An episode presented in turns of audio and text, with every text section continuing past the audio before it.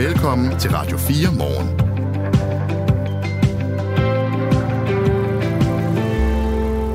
Fredag morgen, det er mørkt udenfor, og øh, vi har udsigt til en øh, vinter lige om hjørnet. En øh, vinter, der bringer store udsving i elpriser med sig. Sidste år, husker du nok, var en øh, dyr vinter for mange af os, for energipriserne steg voldsomt. Men hvordan ser det ud med den vinter, vi går i møde i år? Det øh, undersøger vi i Radio 4 morgen her i dag. Og så uddeles Nobels fredpri- fredspris i dag. Og det er der kun én dansker, der har fået tidligere. Det var politikeren Frederik Beyer i 1908. Han var på mange måder en mand, der var forud for sin tid. Han kæmpede for kvinders rettigheder og kan tage en stor del af æren for, at kvinder fik stemmeret i 1915. Og så var han også stor fortaler for fred og fredspolitik. Men nu er det som om, at øh, vi har glemt Frederik Beyer og det, han kæmpede for. Og det er en skam, siger historiker Ole Dam Mortensen. Det er nemlig relevant som aldrig før at huske på Frederik Beyer. Hør mere, når klokken bliver lidt over halv syv. Og så skal vi øh, på øh, svampejagt her til morgen, for øh, der er masser af dem derude i de danske skove lige for tiden. Men her til morgen, der vil du høre Foreningen for Danske Private Skove råbe op, for alt for mange samler der svampe i de private skove, og det er altså ulovligt. Når klokken bliver kvart i syv, så øh, taler vi med øh, Dansk Skovforeningsdirektør. Han hedder Anders Fransen, og så øh, skal vi have undersøgt øh, hos ham, hvor alvorligt problemet er, og hvorfor er det egentlig et problem, at vi bevæger os ind i andres skove. Det er jo en regnfuld dag i dag, og i morgen kommer der ved sol, og så ved vi, så popper svampen op, så måske bliver det en god øh, svampeweekend. Det er ikke til at vide. Dine værter på Radio 4 morgen i dag, det er Christina Ankerhus og Claus Andersen. Og husk, I kan skrive til os om øh, stort og småt på 1424. Godmorgen. Du lytter til Radio 4. Opret en statslig økonomisk støtteordning til de unge øboere, der vil på ungdomsuddannelse. Det opråb er sammenslutningen af danske småøer kommet med i et brev til Folketinget. For hvis unge øboere skal begynde på en ungdomsuddannelse, så kræver det ofte, at de flytter væk fra øerne. Men hvis de er under 18, så kan de ikke få SU, og derfor så kan det blive en stor udgift for dem selv og øh, deres familie. Godmorgen, Kirsten Sydendal, formand for sammenslutningen af danske småøer. Godmorgen. Hvorfor er det, at det her det er et problem, der er nødvendigt at skrive til Folketinget om? Det er et problem, fordi øh, i dag er der faktisk mulighed for, at øh, kommunerne, der øh, hører til de her øer, i, det drejer sig om, øh, de kan give et tilskud øh, ifølge loven. Øh, kommunerne får øh, statsstøtte af øh, staten, og øh, i den lov står der, at man kan øh, bruge nogle af de her penge til at, at give den her støtte til unge øboere, der er nødt til at flytte fra øen for at kunne gå på en ungdomsuddannelse. Og hvad er det så, I ser Men kommunerne ser- gør? Ja, vi ser dem jo så øh, trække den her støtte væk, fordi at det kun er en øh, kan-opgave og ikke en skal-opgave. Og mange kommuner er jo presset i dag, og øh, ja, så tager man fra, fra de her unge øboere og håber, at, øh, at familierne så kan klare det selv. Og det synes vi ikke er, er retfærdigt. I skriver, at øh, der bør oprettes en støtteordning uafhængig af den kommunale økonomi, så de unges mulighed for at begynde på en ungdomsuddannelse på lige fod med unge fra fastlandet, at øh, den sikres. Men hvorfor er det, at staten skal varetage en af kommunernes øh, opgaver? Ja, det, kan, det er et godt spørgsmål. Jeg synes jo også, at kommunerne burde øh, tage det her ansvar, når de får penge fra staten til at understøtte øh, småøerne.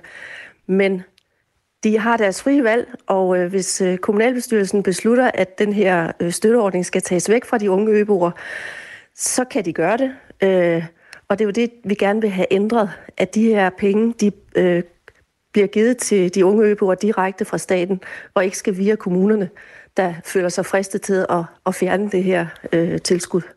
Men Kirsten Sydendal, nu sidder du så som formand for sammenslutningen af danske småøer. Hvor stor øh, ser du, at det her problem det er? Altså, hvor mange øh, kommuner er det, der stikker halen mellem benene? Vi ved i hvert fald, at Langeland Kommune har gjort det, og at øh, Kalundborg Kommune øh, også øh, har tanker i den her retning. På de fleste øer kan man jo godt gå i skole på øh, fastlandet, eller hvad hedder det, tage en ungdomsuddannelse. Eller på mange af dem i hvert fald. Øh, det er jo heller ikke alle øer, der har øh, børnefamilier, skal jeg så lige sige. Øh, men det er et, et mindretal af øerne, der, der har den her problematik. Så derfor vil det jo ikke koste staten ret meget. Det kan godt være, at det er dyrt for den enkelte kommune, med det her tilskud, men for staten i det store billede tænker jeg ikke, at det vil øh, stor udgift. Så derfor synes jeg, at, øh, eller synes vi, at øh, det vil være en god sikkerhed for de her børnefamilier, øh, eller familier med, med unge øh, på, på småøerne, hvor man ikke kan komme til en, et gymnasium øh, eller anden ungdomsuddannelse, øh, at man så kunne få det tilskud via staten. Men hvorfor er det rimeligt? Altså, hvorfor, altså kommunerne er presset. Hvorfor er det ikke okay, at øh, de vælger at bruge pengene for eksempel på øh, ældrepleje, end, øh, end børn, der skal fragtes øh, frem og tilbage øh, fra en ø? Altså familien har jo trods alt selv øh, besluttet sig for at bosætte sig på en ø. Jo, men nu bliver de jo ikke fragtet frem og tilbage. Altså, det er jo sådan, at øh, den unge skal jo bosætte sig på fastlandet, ja. og det er de ekstra udgifter, tilskuddet går til. Men hvorfor er det, og kommunerne det skal afholde dem? Hvorfor er det rimeligt? For ellers er den unge jo afskåret fra at gå i skole. Eller det kan de være, øh, hvis familien ikke øh, øh, har pengene til det. Altså, der er jo mange, der er nødt til at fravælge øh, kostskoler, eller bo på et værelse, eller at flytte hjemmefra. Det kan man jo først gøre, når man bliver 18 øh, i mange familier. Øh, fordi der starter SU'en. Men i resten af Danmark, øh, der har den unge jo adgang til at gå i gymnasiet, øh, når de bor hjemme. Det har man ikke på de her øer, der er i tale her. Men min pointe er, altså burde familierne ikke have tænkt på det, inden de bosætter sig på en ø, at der kan komme udgifter her? Jo, men de har jo måske også været vant til og hørt om, at kommunen giver de her tilskud. Og når kommunen så lige pludselig trækker dem væk, efter de har bosat sig, så er de jo en, en rigtig dårlig situation. Hvis de her støtteordninger... Og de... der kan også være familier, der har, der har også været... Der, er også, der kan også være familier, der har, der har flere børn. Altså, jeg selv har jo haft, øh, øh, haft tre børn, og på et tidspunkt var begge på kostskoler. Øh, det er altså noget, der koster i, øh, i budgettet. Øh, jeg er så ikke en af dem, der fik tilskud, fordi øh, det var et frivilligt valg, øh, at vi gjorde det her. Men for dem, hvor det ikke er et, øh, altså hvor der ikke er andet valg, øh, der kan det jo være hårdt i økonomien. Hvis de her støtteordninger de ryger, hvilke konsekvenser tror du så, det kan få for altså Danmarks småøer? Så er der i hvert fald nok nogle familier, der... Øh, altså enten flytter de så fra øen, fordi de gerne vil flytte efter deres øh, øh, unge øh, børn, øh, og de har måske ikke råd til at have to øh, boliger, eller øh, købe det her ekstra værelse på fastlandet. Og på den lange bane kan det jo betyde, at folk de afholder sig fra at bosætte sig på de aller øh, fjerneste øer, fordi de kan se, at, øh, at der kommer den her udgift, når, når, de, når, når de unge skal i, tage en ungdomsuddannelse. Kirsten Sydendal, øh, bliv lige hængende her. Nu skal vi lige høre fra en af dem, der nyder godt af den her støtte til de unge under 18 år, og gerne vil tage en uh, ungdomsuddannelse. Godmorgen, Carla Hylby. Godmorgen. Du er flyttet fra Grenå fra øen Anholdt for at gå i gymnasiet. Du er 17 år, og derfor så får du altså ikke øh, SU, men øh, heldigvis så får du stadigvæk den her ø-støtte. Hvad betyder det for, for dig, at øh, du har de her penge i din hverdag? Altså, det betyder jo, at jeg har mulighed for at flytte til Grenå og gå på gymnasiet.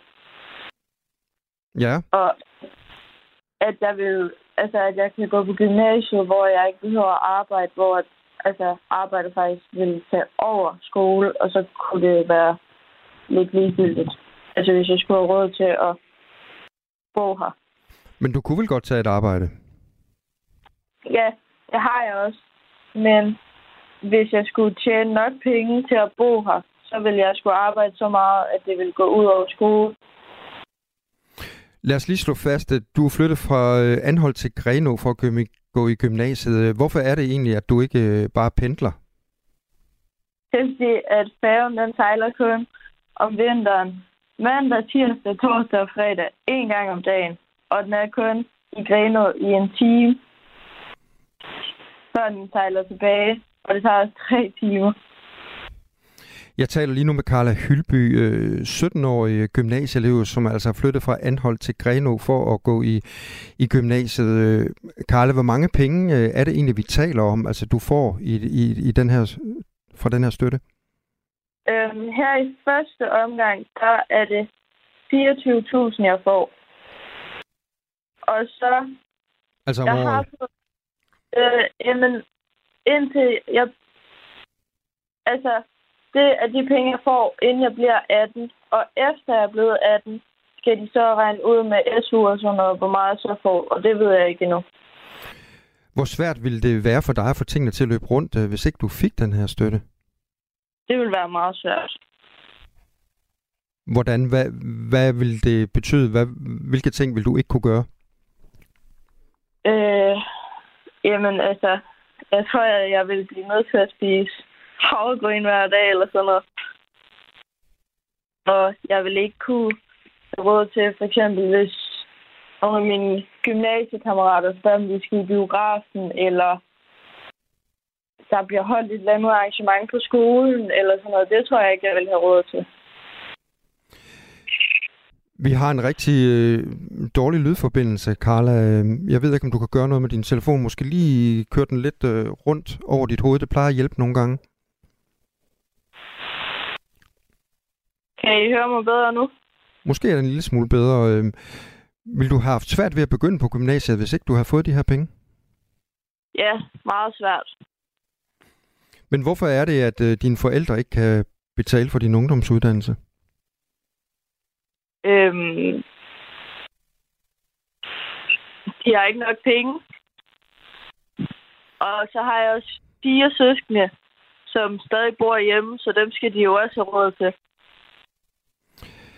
Kirsten Sydendal, formand for Samslutningen af Danske Småøer. Øh, jeg har lige dig med igen nu, og vil lige spørge dig om, hvor tit mm. oplever I øh, den her problematik, som øh, Carla hun beskriver her, at det er svært at få økonomien til at, at hænge sammen for familierne på øerne? Vi oplevede den jo ved, øh, i Langeland Kommune, og nu også i Kalundborg. Øh, altså, så du kan sige, det er ikke så tit, men, men derfor burde det heller ikke være et problem, der var svært at løse. Altså, Øh, der er måske 20 børn i Danmark om året, der har brug for det her. Øh, og hvad vil, det, altså det vil jo være et lille beløb for, for den danske stat at, at sikre, at, og så man ikke er, er usikker på, øh, om kommunen nu har råd eller ej. Og du kan høre som i Karls familie, at hvis der er fire børn, altså så, øh, og det er jo ikke, det, jeg vil også lige sige, det er ikke ungdomsuddannelsen, man betaler for. Det er det sted, hvor hun bor. Og det kan ikke være rimeligt, at unge skal ud og have øh, ekstra ekstra jobs øh, for at kunne betale en husleje, når de ikke engang er 18 år. Så hvad er det, I håber at få ud af den henvendelse til Folketinget nu? Vi håber, at de vil kigge på det, og øh, nu ved jeg ikke, hvor langt de er med finansloven, om løbet er kørt i år, men så vil vi i hvert fald også foreslå det igen til næste år, at øh, det bliver et, øh, en ting, de sætter øh, penge af til. Øh, altså fordi hvis det er, lad os sige, maks 50.000 per, per barn, eller 25 måske bare, så, så kan du selv regne ud, så er beløbet ikke særlig stort. Og det vil bare gavne øh, de danske øer, at man vidste, at, øh, at man var sikret på den måde, og ens børn var sikret. Og man ikke er nødt til at flytte fra øen, øh, når de øh, skal i gymnasiet eller gå på en ungdomsuddannelse. Fordi sådan bør det jo ikke være. Kirsten Sydendal, formand for Samslutningen af Danske Småøer. Tak fordi du var med her til morgen. Også tak til dig, Karla Hylby. Selv tak. Tak. Du lytter til Radio 4.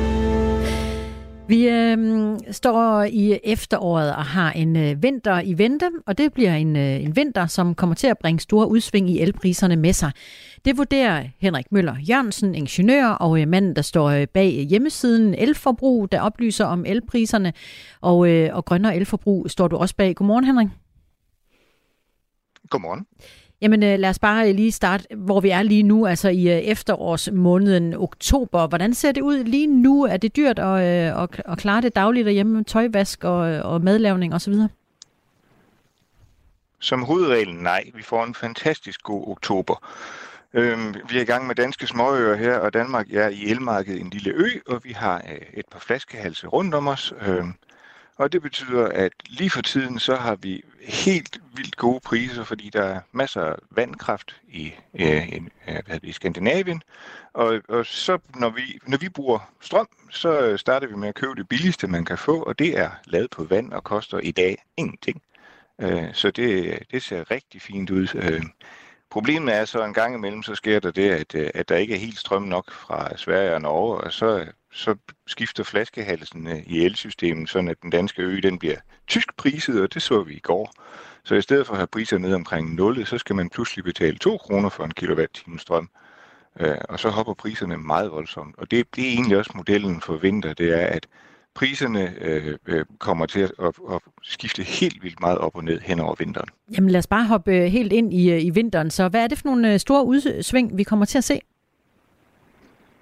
Ja, altså i første omgang, så ser vi dem nedad. Øhm, øh, hele oktober i hele Europa ser ud til at blive lun, og det betyder, at der ikke bliver brugt ret meget gas. Og gaslagerne er fulde, og i og med, at de der tyske priser, de er defineret ved gas, øh, så, så betyder det, at altså, vi kan risikere, at der ankommer en båd med gas til Europa, og så kan man ikke komme af med gassen, fordi lagerne er fulde, og så er der kun en måde at gøre det på, det er at spørge nogle flinke elselskaber, om ikke de vil øh, skynde sig at lave noget strøm af dem, og så presser det prisen ned, og det bliver meget lavt, og, og vi har gode efterårsstorm også, så, så november ser rigtig, rigtig fint ud.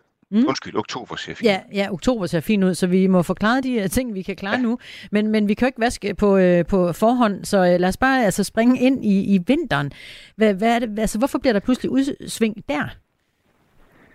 Jamen det, det er, når så vi kommer ud af oktober, og det bliver koldt, så er det et spørgsmål om, hvor koldt det bliver. Hvis det bliver rigtig koldt, altså rigtig, rigtig koldt hen i januar og februar stykker, og, og vi får et par graders, eller undskyld, øh, til 20 graders frost, så, øh, så er der faktisk lige pludselig, så har vi nok brugt gassen. Øh, og så er der heller ikke produktionskapacitet nok, og sådan en vindstille dag over Skandinavien, så kan vi få tronhøje priser. Så, så det er meget afhængigt af, hvor kold vinteren bliver. Opvarmning af boligen øh, blev en, en dyr omgang for mange af os sidste år. Vores energiforsyning er ifølge Energistyrelsen på øh, nuværende tidspunkt stabil på tværs af både el, gas, olie og, øh, og biomasse. Det skriver Avisen Danmark.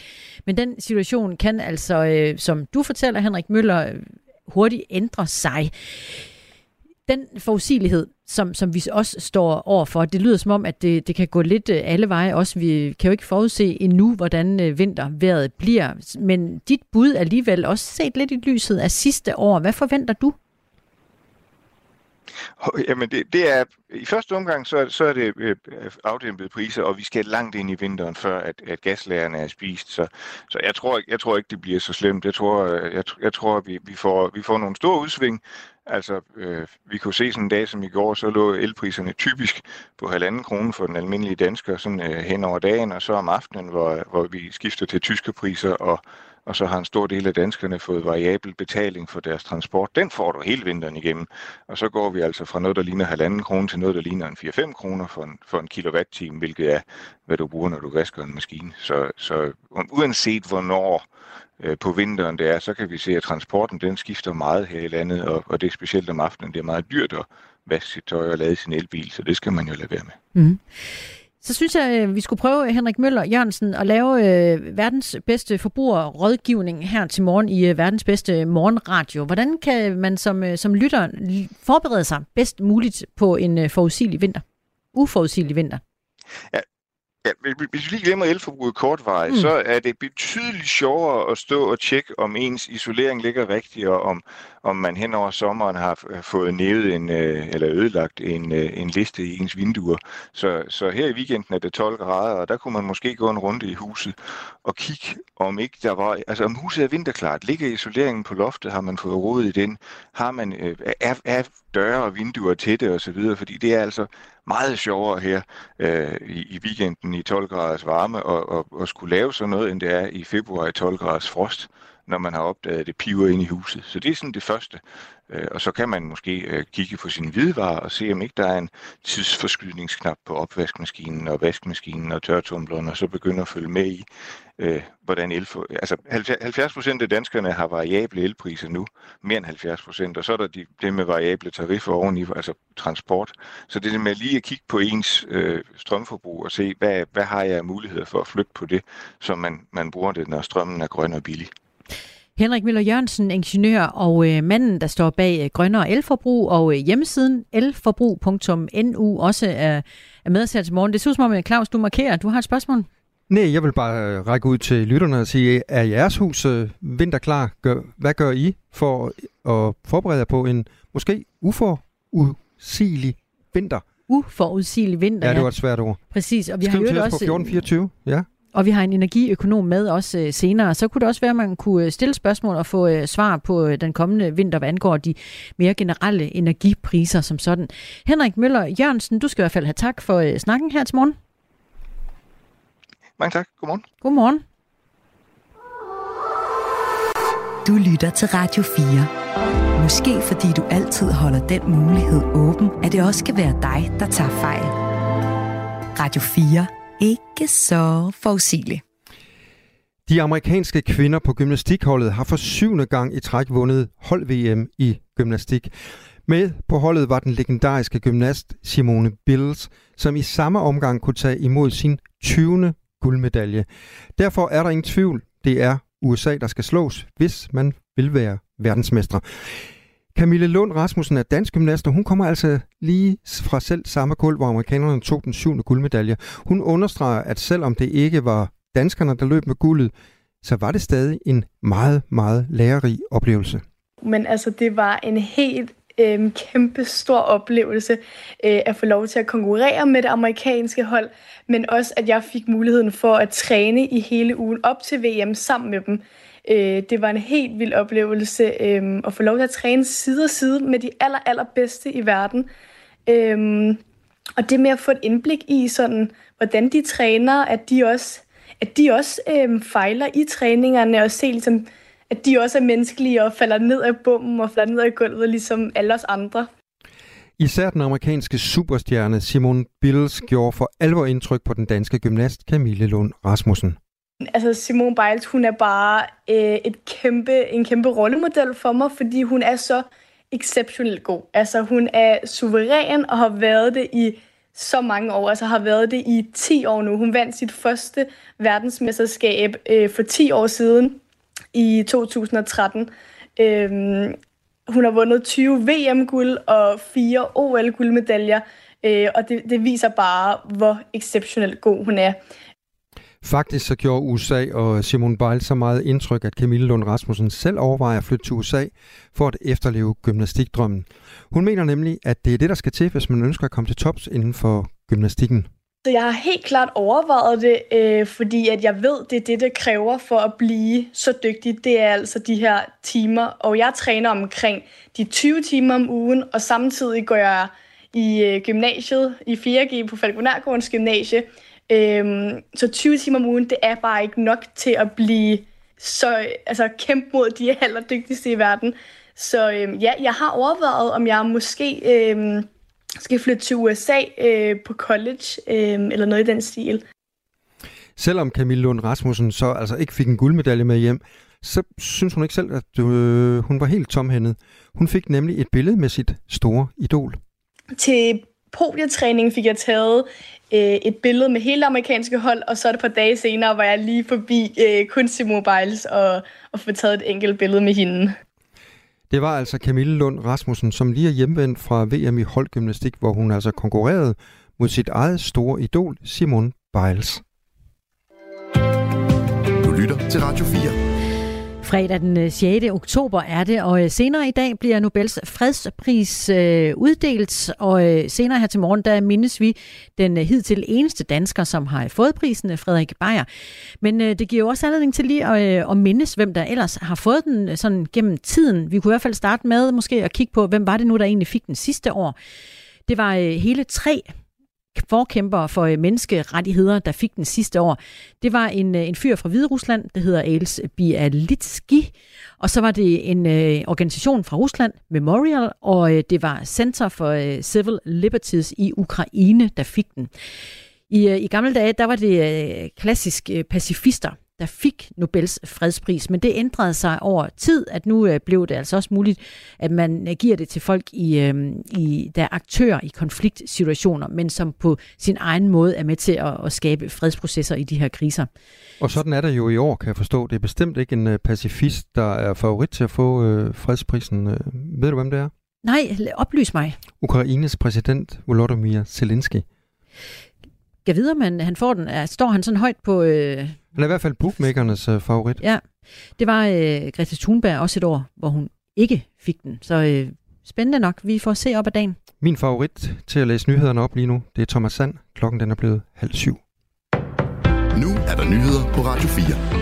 I dag mødes EU-medlemslandenes stats- og regeringschefer til uformelt topmøde i Granada i Spanien. På dagsordenen er den kommende udvidelse af den europæiske union et af hovedpunkterne. Lars Winter Johannesen, der er Ph.D. og lektor ved Institut for Statskundskab på Aarhus Universitet, siger, at det kan være svært at spå om, hvilke lande, der bliver indlemmet som medlemmer og hvornår. Hvis jeg skulle pege på et land, så vil jeg sige, at Montenegro vil være det letteste land at tage ind på baggrund af, at det er et lille land, som i forvejen Tyskland anvender euro som møntfod. Derudover er det et forholdsvis højt udviklet land, siger han. Moldova og Ukraine er ifølge lektoren langt fra at opfylde betingelserne. Albanien er et stykke foran, men ligesom Nordmakedonien er økonomi og statslig administration i forhold til indførelse af EU-lovgivning et problem. Bosnien-Herzegovinas største hemsko bunder i, at der er interne spændinger i staten.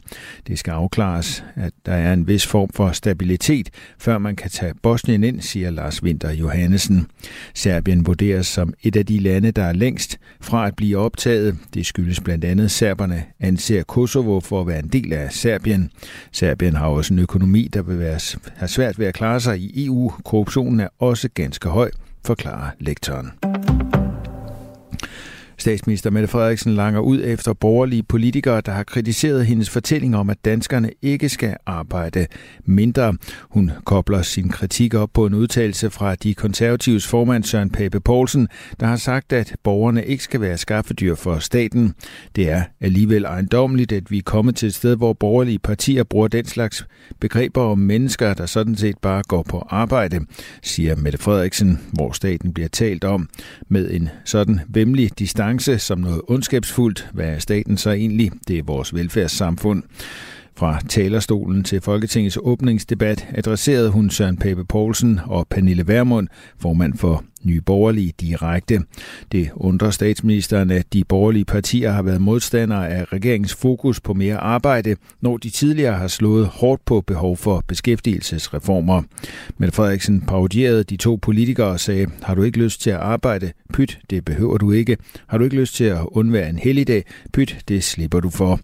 Statsministeren har den seneste tid advaret i kraftige vendinger om, at hun har identificeret en tendens mod, at nogle danskere ønsker at arbejde mindre. Hvis den almindelige arbejdstid udhules, vil der blive problemer med at finansiere velfærdssamfundet, har det lyttet. Den amerikanske regering genoptager praksis med at deportere afviste migranter i fly tilbage til Venezuela. Aftalen er indgået mellem den amerikanske præsident Joe Bidens regering og Venezuelas leder Nicolas Maduro. Kølige diplomatiske forbindelser mellem de to lande har gjort det svært for amerikanere at de, øh, amerikanerne at deportere personer tilbage til Venezuela, men Venezuela accepterer nu at tage imod dets egne statsborgere. USA annoncerer i dag, at det vil genoptage direkte hjemsendelser af venezuelanske borgere, som krydser grænserne ulovligt og ikke har juridisk basis til at blive, oplyser Department of Homeland Security, der varetager USA's indrigssikkerhed. Meldingen kommer, mens de amerikanske myndigheder melder om en stigning i antallet af venezuelanske borgere, der er ankommet til grænsen mellem USA og Mexico i perioden mellem juli og august. Italien planlægger en mulig evakuering af 10.000 vis af mennesker, der bor omkring en vulkan nær Napoli. I flere måneder har der nemlig været gentagende jordskælv. Alene i løbet af den seneste måned er vulkanen blevet rystet af mere end 1100 jordskælv. Her under et med en styrke på 4,2 i sidste uge, som også var områdets kraftigste i fire årtier. Det bliver mest skyet, og der kommer perioder med regn eller byer. Vi får temperaturer i dag op mellem 14 og 16 grader. Det her er Radio 4 morgen. Husk, at du kan sende os en sms på 1424.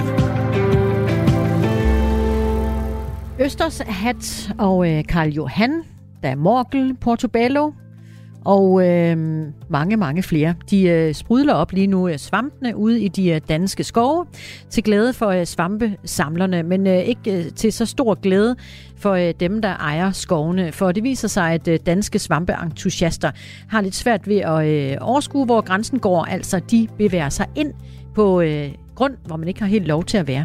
Det kommer vi til at tale om her til morgen, og i den sammenhæng så efterlyser jeg dig der øh, går på svampejagt, og øh, måske også har en tendens til at være lidt øh, kold bag i, hvor du øh, sætter fødderne på din øh, jagt. Altså, Kigger du på, om der er skilt, om du er på vej ind på en privat skov, øh, noget grund, hvor du ikke hører hjemme, eller ej? Skriv til os på øh, nummeret 1424. En svampejæger, der er koldt bag i. Det var et godt udtryk. ja.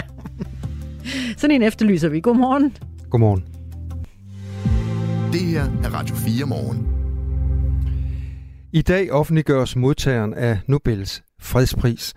Desværre er der ingen danskere, der står til at modtage den, men der er faktisk en dansker, der har fået den tidligere.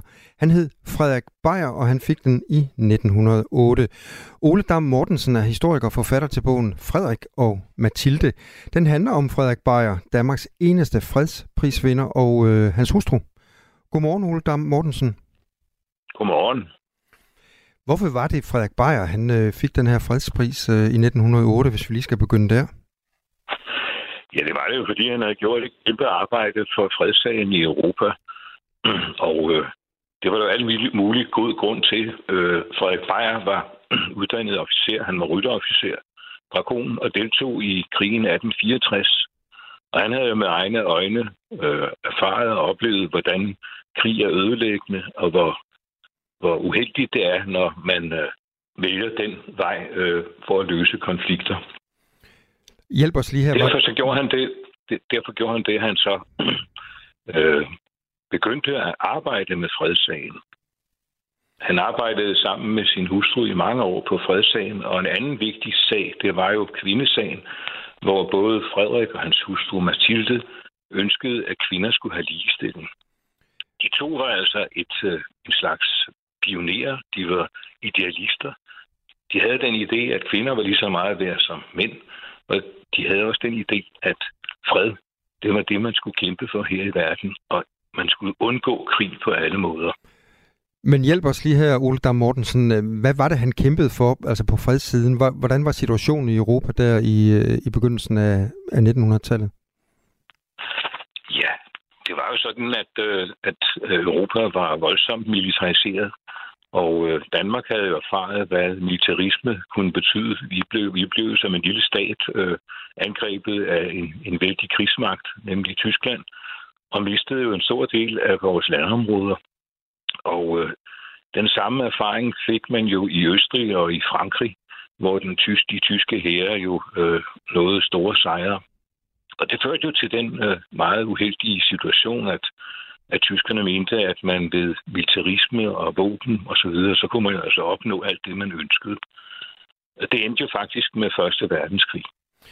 Nu var Frederik... I Danmark var man i den situation, at man jo skulle vælge en vej i denne her meget svære tid. Og øh, Frederik Beyer, han kom med, den, med det første bud på, at øh, der var en anden vej end oprustning og, og hvad hedder det, kanoner. Og det var at øh, gå den neutrale vej, at øh, prøve at erklære Danmark øh, som neutral. Nu var Frederik Bayer jo så også medlem af Folketinget for Venstre. Det var han fra 1872 til 1895. Men han var ikke særlig populær i sin tid som folketingsmedlem øh, for sine holdninger. Hvorfor var det, han ikke var det? Ja, det var han jo ikke, fordi øh, en stor del af øh, hvad skal man sige, eliten, de mennesker, som, øh, som styrede Danmark på det tidspunkt, de var øh, militariseret, øh, og der var en stor del af regeringens øh, medlemmer, som faktisk var officerer. Og øh, der var jo en stor kamp mellem højre og venstre i de her år. Men selv inden for Venstre var han ikke så populær, fordi det var også et, det var nogle nye tanker, han fremkom med. Og øh, man troede ikke rigtig på, at, øh, at den vej, den, øh, den kunne lykkes. Men Frederik han var så heldig, at hans idéer faktisk øh, vandt frem. Han rejste rundt i hele Danmark og talte for fred. Og øh, det fik øh, til sidst den virkning, at man gradvist øh, vendte sig bort fra den militarisme, der havde præget dansk øh, øh politik, udenrigspolitik også, og gik til en situation, hvor man øh, prøvede at holde Danmark neutral. Vi skulle altså ikke ind i en stor krig i Europa, det havde, det havde ikke nogen mening for et lille land som Danmark. Og hans politik, som altså fik øh, efterhånden sympati øh, i hvide kredse af befolkningen, og også i, i blandt mange politikere, det resulterede i, at Danmark jo øh, slam fri af Første Verdenskrig. Jeg taler med Ole Dam Mortensen, der er historiker og forfatter til bogen Frederik og Mathilde, der altså handler om Frederik Beyer, der fik øh, Nobels fredspris i 1908. Og Ole Dam Mortensen, vi har gang i en øh, spændende historietime her på Radio 4 morgen. Øh, Frederik Beyer, han stiftede blandt andet Dansk Fredsforening 1882 og senere Verdensfredsbyrået i Bern i Schweiz. Og så får han altså den her Nobels fredspris i 1908. Hvordan ændrede det så synet på ham, når han så øh, åbenbart ikke var særlig populær før det? Ja, det ændrede synet på ham, fordi at man til sidst jo indså, at han var faktisk en pioner, og han øh, havde gjort meget, meget godt for Danmark. Og øh, den samme øh, vej gik jo heldigvis øh, Mathildes øh, øh, store sag, nemlig kvindesagen. Man indså, at kvinderne havde lige så meget at, øh, at skulle have sagt som mændene, og det endte jo med, at man i 1908 øh, fik øh, kvinde, kvinde, kvindelige valgret til kommunalbestyrelser, og i 1915 fik vi så øh, kvinders valgret til, øh, til rigsdagen. Og det betød jo, at, øh, at der kom en helt anden øh, holdning til de to menneskers øh, indsats. Og den holdning, den blev naturligvis noteret også i de europæiske fredsbevægelser i, i, i det hele taget i, blandt politikere. Og det var medvirkende til, at øh, Frederik Beyer øh, fik Nobelprisen i 1908 sammen med sin gode svenske ven øh, Klaas Arnoldsson. Øh, de delte så den øh, Nobelpris, der blev uddelt det år. Ole Dam Mortensen, nu er det så øh, 115 år siden en dansker har fået øh, Nobels fredspris. Øh, tror du, vi kommer til at se en dansker modtage prisen i nærmeste fremtid? Det er der ikke meget, der tyder på.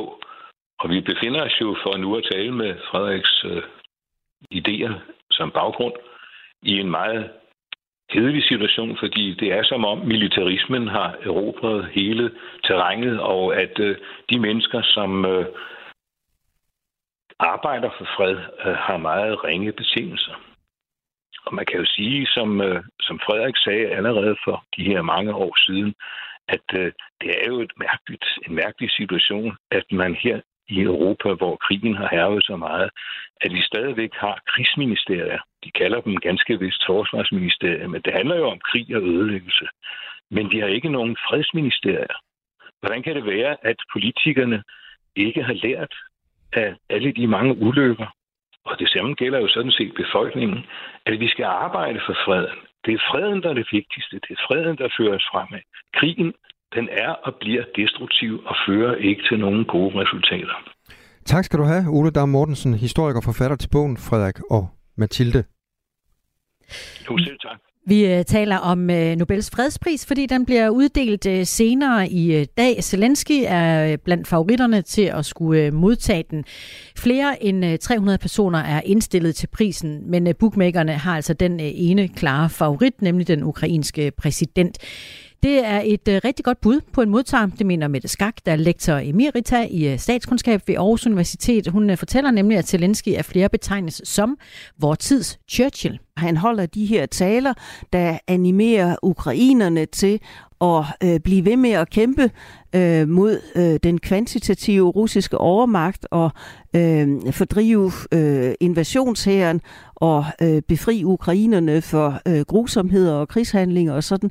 Øh, så han er jo på mange måder en meget, meget øh, karismatisk leder for Ukraine, men i virkeligheden så også en, der inspirerer, tror jeg, øh, mange her i Europa i særdeleshed, men måske også andre steder i verden. Øh, sådan, han er sådan lidt en slags øh, fyrtårn i, i kaliber med øh, Nelson Mandela. Det er i dag kl. 11 på øh, Nobels Fredscenter i øh, Oslo, at modtageren af prisen offentliggøres. Overrækkelsen, sådan selve overrækkelsen finder først sted den 10. december, og det er på Alfred Nobels dødsdag. Tidligere vinder, det er øh, blandt andre øh, Gorbachev, det er Mandela, og så er det Barack Obama. Og det er øh, Tommy, han er ikke kæmpe fan af Nobels fredspris, skriver han på sms'en. Han skriver nemlig, at Obama fik fredsprisen og startede efterfølgende syv krige. De kunne jo give fredsprisen til Putin i år, uden det ville overraske en joke af en pris, skriver Tommy. Den har været øh, givet til øh, både unge og gamle gennem tiden i øvrigt. Øh, jeg har sådan lige et, et fun fact. Det er den yngste modtager af fredsprisen. Det er øh, Malala Yousafzai fra øh, Pakistan, der var 17 år, da hun øh, fik den tilbage i 2014. Og det var for øh, hendes kamp mod undertrykkelse af børn og unge og for alle børns ret til uddannelse. Men øh, man skal heller ikke opgive, hvis man er oppe i årene, fordi det er ikke nogen hindring for at få prisen heller. Den ældste modtager af fredsprisen, det er Josef Rutblatt, der i øh, 1995 modtog prisen i en alder af 87 år. Og han, øh, han fik den for at øh, være leder af det, der hedder Pugwash-bevægelsen, en international organisation, der samler videnskabsfolk og øh, andre offentlige personer i arbejdet på at begrænse faren for krig og finde globale sikkerhedsløsninger. Så ung som gammel kan altså også få prisen. Og hermed blev klokken kvart i syv, og gør som Tommy, skriv til os på 1424. Det her er Radio 4 morgen. Den øh, bandepakke, som regeringen har lanceret for kort tid siden, øh, indfører også, at politiet skal indføre en tættere kontrol med de danske skytteforeninger.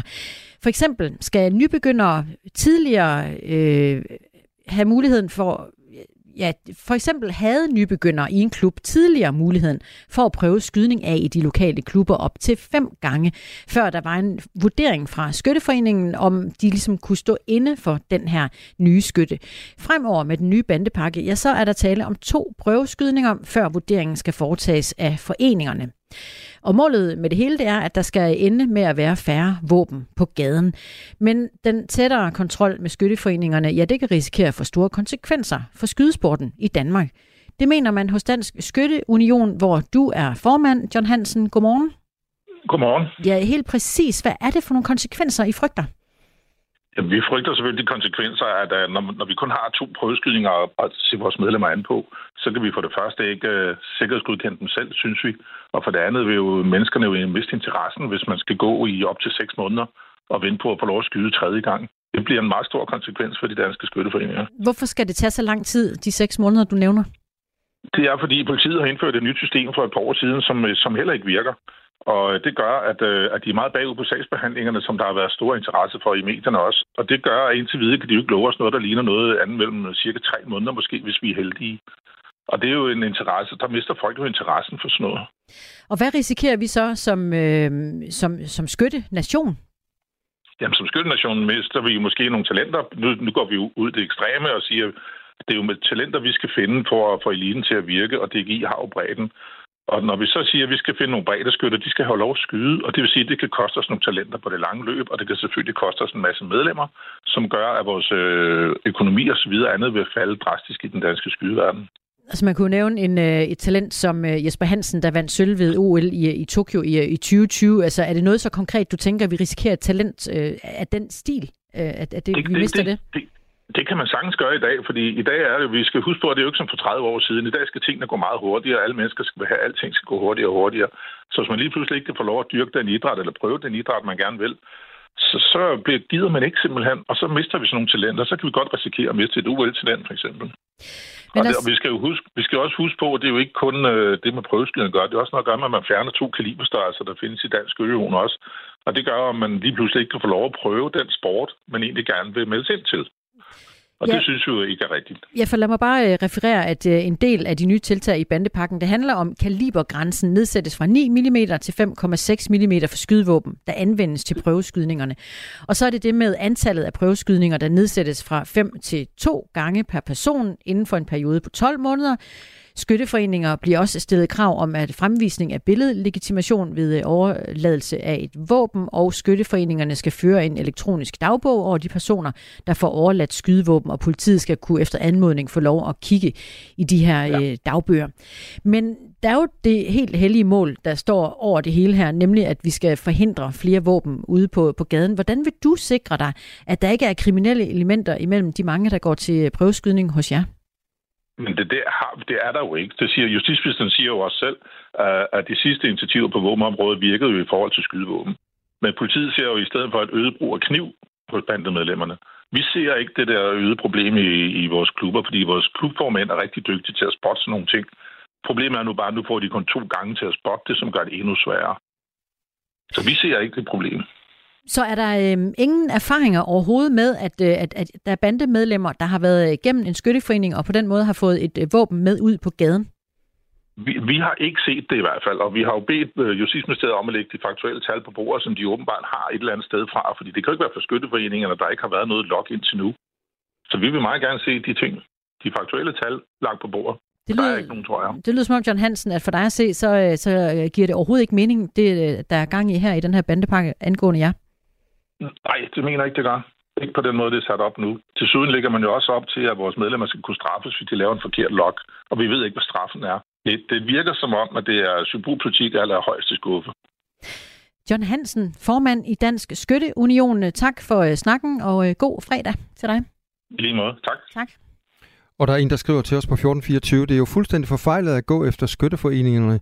Personer med pletter på straffattesten bliver jo allerede afvist på forhånd. Lytter til Radio 4. Lige nu popper svampene op i danske skove til stor glæde for svampesamlerne. Men det er ikke alle, der er glade for, at øh, svampeentusiaster bevæger sig rundt i skovene, i hvert fald ikke i de private skove. Og du er en af dem, der ikke synes, at det er så fantastisk. Anders Fransen, godmorgen. Godmorgen. Du er direktør i Dansk Skovforening, Skovbrugets øh, brancheorganisation. Det er korrekt. Hvor stort et problem er det, at øh, der går øh, de her, lad os bare kalde dem ulovlige svampesamlere rundt i private skove?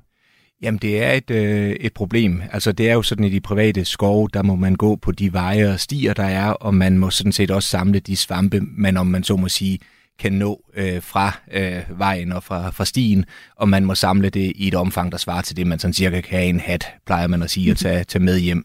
Det, der så er udfordringen, det er, når folk begynder at gå væk fra stierne, så går de ind i skoven, og så risikerer de at stresse øh, det vildt, øh, der er. Og vi er jo også nu i en fase, hvor jagtsæsonen er startet, og hvor der er mange, der har øh, lejet jagt øh, i de danske skove, og de oplever jo så, at det, de egentlig har betalt for, der bliver deres muligheder for at gå på jagt øh, forringet. Så lad os lige øh, opsummere reglerne for, for færdsel i de private skove. Altså, selvom jeg ikke samler svampe, så må jeg altså heller ikke bevæge mig væk fra, fra stierne, fordi det risikerer at stresse vildt. Vildt. Ja. Er, er det det, du siger? Ja, man må gå på, øh, på veje og stier i, øh, i de danske skove, og det må man gøre fra, øh, fra solopgang til, til solnedgang. Det er det, der gælder i de private skove. Der gælder andre regler i de statslige skove. Der er det, der hedder fri fladefærdsel, hvor man, man bevæger sig over det hele. Men i de, de, i de private skove, øh, der må man gå på veje og stier fra solopgang til solnedgang. Lidt senere på morgen, så taler vi faktisk med en øh, svampesamler. Han kommer i studiet her i Aarhus, og han fortæller, at han samler altså svampe i de private skove, og det gør han helt bevidst, fordi han synes altså ikke, at der er nok statsskov øh, at samle svampe i. Øh, kan han have en pointe i det? Det kan han muligvis godt, hvis han gerne vil samle flere svampe, end der er i de øh, statslige skove, men man må ikke gå uden for veje og stier, og som sagt er der jo andre, der i den her periode også leger areal til andre øh, formål, og hvis man så øh, karambolerer med det, de gerne vil bruge arealet til, jamen så er der et problem, og det er jo immer væk dem, der har betalt for det og betaler en jagtleje til, øh, til skovejeren. Men udover stressvildet, øh, som jo kunne blive stresset af rigtig mange andre ting, hvorfor er det så et problem, at øh, den her svampesamler han går ud i de private skove og, og samler svampe? Jamen for det første er reglerne jo sådan, at man skal gå på, på veje og stier, og derudover så er det jo også sådan, at der er nogen, der har betalt for at kunne bruge øh, skoven til, øh, til jagt øh, og har det formål med det. Og hvis det så betyder, at der lige pludselig er mange, der går gennem skoven, stresser vildt, skubber det væk osv., jamen så giver det jo nogle, øh, nogle andre udfordringer, og så får man ikke det udbytte af det, som man gerne vil have, også som, som jæger, som man jo har betalt for, og som skovejeren jo også har en indtægt ved. Jeg taler med Anders Fransen, der er direktør i Dansk Skovforening. Anders Fransen, øh, et er, er regler, men hvorfor ikke lade svampeentusiaster øh, bolde sig og, og, og spise løs af de her svampe, der nu øh, er i skoven, og lade os udnytte øh, skovens guld, som man også kalder det? Jamen, reglerne er, som de er, og, og hvis man leger det ud til et andet formål, så er det jo problematisk, hvis der er nogen, der, øh, der overtræder de, øh, de grænser, både de regler, der er, men også hvis man karambolerer med andre, der rent faktisk har betalt for at kunne bruge øh, skoven til, til andre formål. Man kan altid, hvis man vil gerne vil have en mulighed for at samle svampe, så kan man tage kontakt til den lokale skovejer. Man kan høre, om der er en mulighed for det. Nogle steder kan der laves betalingsordninger, hvor man kan lave svampeture og lignende. Andre steder får man måske lov til det. Men som udgangspunkt skal man altså holde sig på, på veje og stiger i de private skove. Det er sådan, at omkring 14 procent af Danmark er dækket af skov, og hele tre fjerdedele af alle de danske skove, de er privatejet. Så modsat statsskovene må man i private skov kun færdes på de anlagte stier, når man øh, altså går ind i skoven. Og skoven de kan også være helt øh, lukket, når der så øh, foregår jagt. Det vil sige, at det ikke er lovligt at samle eksempelvis svampe uden for, øh, hvad du altså kan nå for stierne, og det har du jo ligesom øh, slået fast flere gange, øh, Anders Fransen. Så hvis det står til jer, hvordan kan vi så løse øh, problemet med ulovlige svampe samler? Jamen, jeg tror, vi, vi har en udfordring øh, med øh, skiltning og kommunikation. Øh, der så vi gerne, at der blev lavet en større indsats, også fra, øh, fra offentlig side. Det har ligesom været en del af aftalen med, at man gav adgang til de private skove, mod til gengæld også, at der skulle være skiltning, information og kommunikation.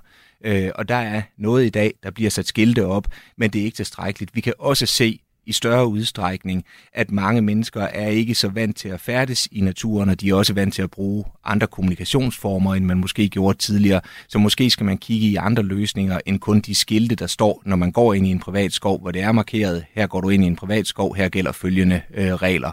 Øh, så hvis man kunne finde nogle bedre løsninger på det, så ville vi synes, det var en god idé. Og så oplever vi også, og det er jo også en, en, en væsentlig del af det, at man ser et meget voldsomt tryk på, øh, på skoven. Altså vi har oplevet, at vi har fået tilbagemeldinger fra skovejere, der nærmest ser, hvordan nogen har gået og dannet kæde for ligesom at gå he- gennem hele skoven og sørge for at få samlet alt op. Vi hører også om nogen, der ser folk komme ud nærmest med, med plastikposer øh, fyldte øh, med, øh, med svampe, og det er jo også langt ud over, hvad man må. Så bedre information og øh, kommunikation omkring det i skoven vil være en god idé. Andre mere moderne kommunikationsformer vil også være en god idé. Vi skriver også jævnligt om det på vores egen hjemmeside, danskskovforening.dk, hvor man også kan gå ind og læse øh, reglerne. Men vi har et behov øh, for øget kommunikation omkring det her. Men nu er det jo så også øh, ulovligt, det som svampesamlerne gør, så I kunne jo bare øh, melde dem til politiet. Ja, det kan man også. Det kræver selvfølgelig, at man er ude i skoven. Jeg tror, de fleste, og det opfordrer vi jo også til, det er, at de fleste skovejere, ser de det, jamen så gør de, det, så gør de øh, øh sankerne øh, opmærksom på det og siger, at det må man ikke. Er det noget, der gentager sig? At, kan man ikke finde andre øh, løsninger? Jamen, så kan det jo ende i en politianmeldelse. Den svampesamler, som vi taler med øh, senere, som sagt, så samler han jo svampe i private skove med, med åbne øjne. Han gør det bevidst. Hvordan vil du få ham overbevist om, at øh, det skal han stoppe med? Jamen altså, hvis folk bevidst bryder loven og gør det med åbne øjne, jeg tror, de fleste af dem, der samler i skoven, gør det måske, fordi de ikke ved, at de er en privat skov, og ikke har skældnet mellem en statsskov og de muligheder, der er der, og en privat skov. Men hvis folk med åbne øjne går ind og gør det, jamen så er der jo ikke og bevidst overtræder reglerne, så er der jo ikke mange andre muligheder end øh, til sidst at ty til en politianmeldelse. Men det er jo da noget, de fleste helst vil undgå, og man vil jo da helst klare det i mindelighed ud i skoven. Men Anders Fransen, øh, handler det her ikke dybest set om, at øh, vi danskere, vi, øh, vi bare kigger på skoven som et stykke natur? Det, det er også vores? Jo, det er det ikke. Det er jo øh, den, den private skovejer, der har et erhvervsmæssigt formål med det. Det kan både være øh, skovhug, så det kan selvfølgelig også være, være jagtudlejninger og andre ting. Hvad det angår, er det jo ikke voldsomt meget anderledes, at man jo heller ikke går ind på en landmands mark og bare begynder at plukke de jordbær, man har, øh, man har lyst til. Øh, der er selvfølgelig nogle regler, øh, man skal overholde. Så hvis det her det er et stigende problem, som du siger, hvad foreslår du, eller hvad kunne du godt tænke dig, der så skete nu? Jamen, vi ser gerne, at der kommer øh, flere midler til, at vi kan lave bedre øh, kommunikation omkring adgangsreglerne i, i skovene. Det gælder både i forhold til at samle svampe, men det gælder generelt også i forhold til en række andre ting, hvor vi kan se, at mange mennesker, der godt kan lide at gå i skoven, det kan vi godt forstå. Øh, det er naturligt, det er kønt og smukt at, øh, at være derude. Men at man ikke er fuldt ud bekendt med de regler, der gælder, især når man færdes i en, øh, i en privat skov, hvor der er nogle begrænsninger i forhold til det, der er en statslig skov, som jo ligesom er, er fællesskabets. Der er kommet et par sms'er, mens vi taler med dig. Anders Fransen, direktør i Dansk Skovforening. En, der, der lige øh, kommer med en kommentar. Privat skov er jo ikke offentlig. Man går der heller ikke ind i private haver, og så en lang række af udråbstegn. En anden øh, lytter spørger dig, er en øh, pose fuld det samme som en, en hat fuld? Altså er det sådan den moderne version af det? Kunne man oversætte det sådan? Jamen, man må samle til eget behov. Man må ikke samle til kommercielt eller erhvervsmæssigt formål. Det vil sige, man må ikke sælge videre. Man har sådan som tommelfingerregler, man siger, det man kan have i hatten, når man går hjem, så man kan lave sig en, en svampestuning eller lignende. Det må man gerne samle med. Øh, om det er en hat, eller om det er en øh, frysepose eller lignende, det, øh, det tror jeg ikke kommer så, så nøje. Det er der nok ikke nogen, der står i helt store måler, men at samle store affaldssække eller lignende, eller gå i kæde gennem skoven, øh, hvilket man jo ikke må, men for så og, og samle alt, hvad man kommer i nærheden af. Øh, det, det må man selvfølgelig ikke. Og går man på stierne, kan man se nogle svampe, får man samlet, og man ikke har en hat på, jamen så kan man nok samle lidt i en, øh, en pose.